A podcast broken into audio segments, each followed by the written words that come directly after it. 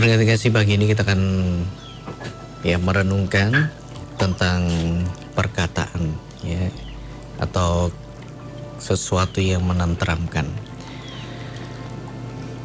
Ya, pendengar kasih kalau Anda uh, membayangkan atau menghubungkan kata tentram itu seperti apa? Tentram ya. Menentram, menenteramkan ya. Menenteramkan berasal dari kata tentram. Kalau Anda mendengar kata tentram, apa yang Anda bayangkan? Anda bayangkan um, pemandangan yang hijau ya, sawah yang menghijau itu bisa anda katakan sebagai satu keadaan yang tentram. Ya. Kemudian anda bisa lihat uh, air sungai yang mengalir dengan tenang ya, anda merasa tentram. Ya. Nah, sih dalam hidup ini tentram ya. Tentram itu bisa kita alami kalau di dalam Tuhan ya. Bisa kita alami di dalam keadaan yang sebenarnya tenang ataupun keadaan yang sepertinya sangat bergejolak. Kayak anda tahu danau ke danau Galilea ya. Saking luasnya bahkan kadang disebut laut tergantung dari mana uh, danau ini dilihat maka sebutannya akan berbeda. Ya. Jadi kalau dari sisi ini namanya lain, dari sisi sana lain, nama-namanya beda. Sama seperti pantai ya, kasih. Pantai itu sebenarnya lautnya sama. Tapi kalau lokasinya di sini namanya eh, namanya ini ya Uh, terus kita pindah berapa kilometer, namanya sudah beda lagi. Padahal lautnya yang sama. yang membedakan adalah lokasinya. Ya kan? Terus kita uh, bergerak berapa kilometer lagi, ya. Di situ nama pantainya beda lagi. Padahal lautnya sama. Ya. Kan? Nah, di daerah Malang Selatan banyak sekali pantai-pantai seperti itu. Dan jaraknya dekat-dekat ya, tetapi namanya sudah berbeda. Ya. Sama seperti itu Danau Galilea, ya, kadang disebut lautan karena saking luasnya. Tergantung dari mana, ya orang tergantung lokasinya maka danau ini sering kali dinamai berbeda-beda. Dan danau ini sering kali tenang pada kasih, tapi kadangkala bisa terjadi satu gejolak yang luar biasa. Ya, satu gelombang angin ribut yang luar biasa. Nah, gambaran tentang tentram ya. Kalau Anda perhatikan Danau Galilea pada waktu pada waktu tenang ya, Anda bisa melihat bahwa tentram sekali danau itu. Ya, airnya tenang sekali. Nah, kan? nah tetapi ada kalanya tiba-tiba terjadi angin ribut ya. Tiba-tiba terjadi sesuatu yang luar biasa sehingga gelombang terjadi dan menjadi sangat menakutkan. Danau yang sama kasih danau yang sering kali menentramkan juga bisa menjadi danau yang mengerikan. Ya. Nah itulah gambaran dunia berarti kasih. Ya, itu gambaran apa yang kita anggap tentram. Sesuatu yang kita anggap menenteramkan tiba-tiba bisa berubah menjadi mengerikan.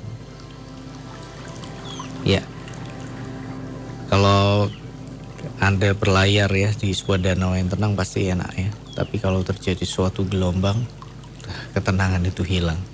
Menjadi sebuah ketakutan yang luar biasa. Nah dalam hidup ini Perhatikan sih dunia selalu berusaha untuk membuat kita ini tidak tentram.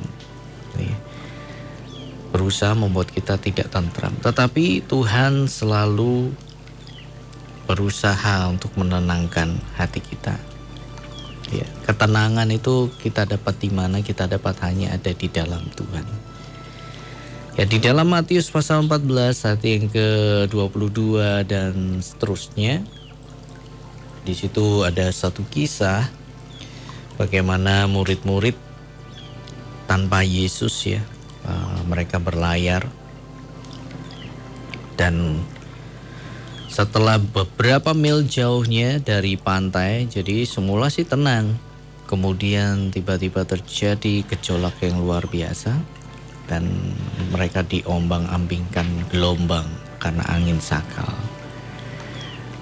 Dan, mereka di saat bingung ya, di situ ada Yesus yang berjalan di atas air. Mereka kaget dan mereka berseru itu hantu. Ya. Tapi jadi ketakutannya double ya, sudah menghadapi gelombang, lihat ini apa ini jalan di atas air, hantu ya. Tiba-tiba ketakutan mereka berlipat-lipat kali. Berarti sudah kena gelombang ya. Kemudian ada sosok yang uh, jalan di atas air, ini setan ya, ini hantu. Nah, jadi dalam ketakutan-ketakutan yang seperti itu Tuhan berkata kepada mereka, yang buat mereka takut apa gelombang yang luar biasa dan mereka takut dengan apa yang mereka lihat. Mereka takut dengan sosok Tuhan yang dianggap hantu. Tapi apa yang Tuhan katakan adalah tenanglah aku ini jangan takut. Dia katakan satu kata tenanglah aku ini jangan takut. Waktu itu gelombang masih bergelora pendengar kasih ya. Gelombang masih bergelora, tetapi Tuhan katakan tenanglah. Ketika mereka berusaha takut juga dengan sosok yang mereka lihat, dia berkata tenanglah, aku ini, jangan takut. Nah, nah pekerjaan iblis pendengar kasih dalam hidup ini adalah menakut-nakuti saudara dan saya dengan berbagai macam cara. Sukanya menakut-nakuti, sukanya membuat cemas, sukanya membuat gelisah, sukanya membuat kita merasa terintimidasi, ya. Sukanya membuat kita merasa tertuduh, ya. Sukanya banyak hal ya yang dilakukan iblis. Tetapi Tuhan selalu melakukan hal yang sebaliknya. Dia berkata, tenanglah. Nah, jadi berkata kasih, tentram di dalam Tuhan bisa kita dapatkan dalam situasi apa pun.